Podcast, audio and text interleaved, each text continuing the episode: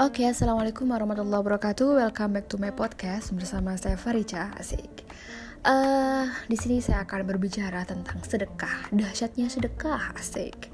Karena sedekah tuh harus dijabarin gitu loh guys. Sedekah termasuk amalan yang luar biasa, amalan yang walaupun dipamerkan tetap mendapatkan pahala atau ganjaran. Selain itu, sedekah merupakan amalan yang dapat menjadikan kita kaya. Kalau pengen kaya, maka bersedekahlah, jangan bersedekah menunggu kaya gitu loh. Nah, kemudian uh, Rasulullah pernah bersabda bahwasanya nakosoma lulbi sodakoti baliyasdat baliyasdat baliyasdat tidak akan berkurang harta yang disedekahkan tetapi tambah tambah tambah. Asodakotu pangkal kaya utawi sedekah itu pangkal kaya gitu. Nah tetapi setan itu menakut-nakuti manusia akan fakir. Makanya hati manusia sering bimbang perihal sedekah yang banyak.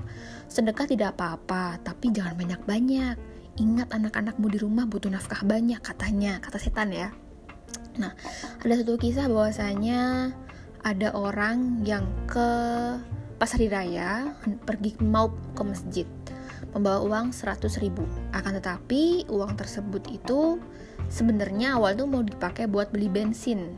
Kemudian diinfakkan di kotak masjid nah tetapi yang terjadi justru penjual bensin tutup karena bodoh ya kan lebaran jadinya pas tutup. Hingga akhirnya sampai di masjid uangnya masih utuh 100 ribu.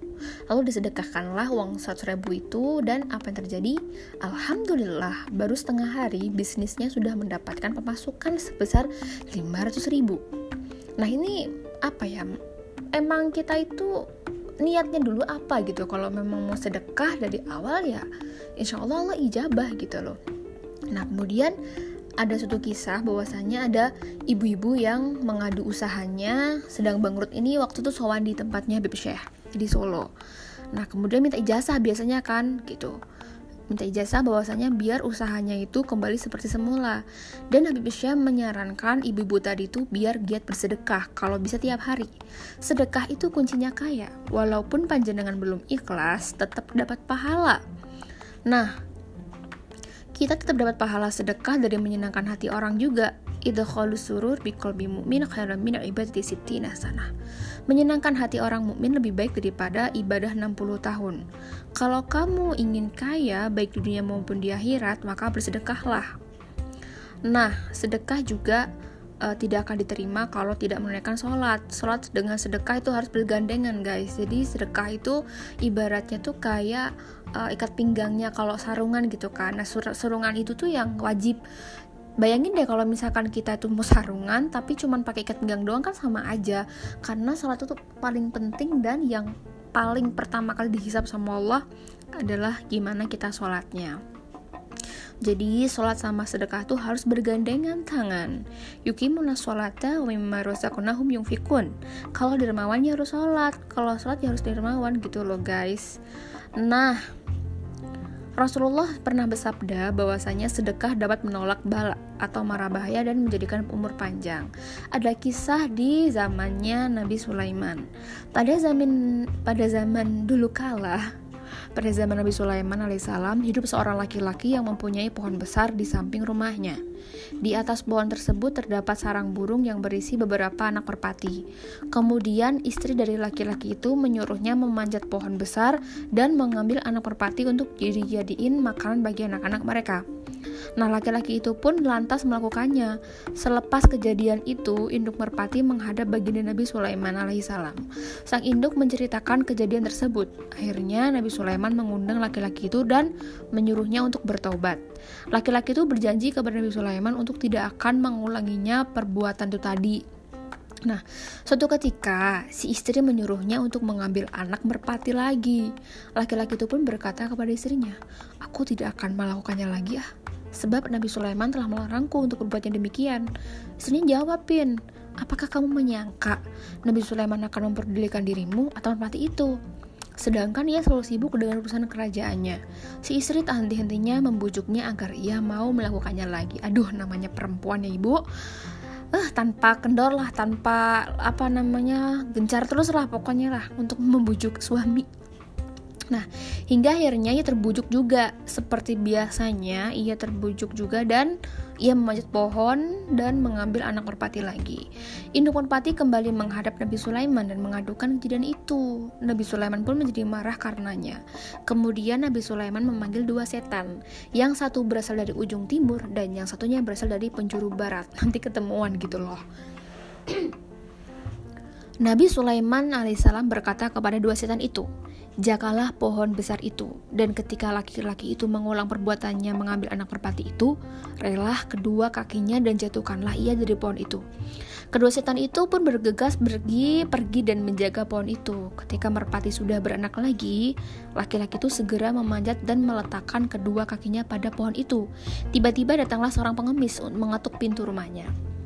Lalu ia menyuruh istrinya untuk memberikan sesuatu pada istrinya itu. Nah, Lantas istrinya berkata, aku tidak punya apa-apa. Laki-laki itu turun dari pohon dan mengambil segenggam makanan.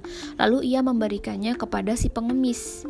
Setelah itu, ia kembali memanjat pohon dan mengambil anak merpati. Setelah itu, merpati kembali menghadap Nabi Sulaiman dan mengadukan kejadian itu terhadap apa ngadu lagi gitulah sama Nabi Sulaiman. Nabi Sulaiman marah dong ya. Kemudian ia manggil setan tuh kenapa kamu tuh gak becus apa namanya dikasih tugas malah kamu tuh kayak mengkhianatiku gitu kan setan jawabin kami sama sekali gak mengkhianatimu wahai Nabi Sulaiman kami terus menjaga pohon itu hanya saja Ketika laki-laki itu memanjat pohon, datanglah seorang pengemis mengatuk pintu rumahnya. Lalu ia memberikan segenggam gandum untuk pengemis itu. Saat itu kembali memanjat pohon, maksudnya saat laki-laki itu kembali manjat pohon, kami sudah bergegas untuk meraihnya. Namun, tiba-tiba Allah mengutus dua malaikat. Salah satu dari mereka meraih leherku dan melemparku sampai ke tempat terbitnya matahari. Sedangkan yang satunya itu meraih leher sahabatku dan melemparnya sampai di tempat terbenamnya matahari. Sesuai dengan asalnya tadi kan, ujung barat ujung timur. Demikianlah sebuah cerita dari kitab Tankihul Qauli hadis karya Syekh Nawawi Al-Bantani betapa sedekah dapat menjadikan sebab dihindarkannya seseorang dari marah bahaya, guys. Sementara yang disedekahkan adalah barang halal.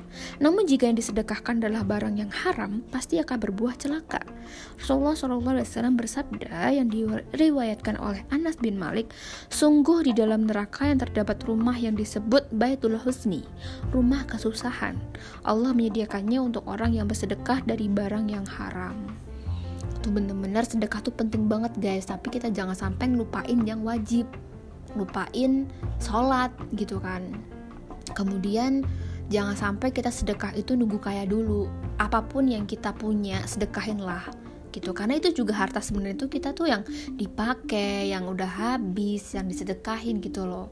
Kalau misalnya kita nabung di berapa jeti gitu kan. Nah itu tuh bukan uang kita. Masih nggak tahu uang siapa gitu loh karena kita belum make karena itu nggak disedekahin juga gitu loh guys.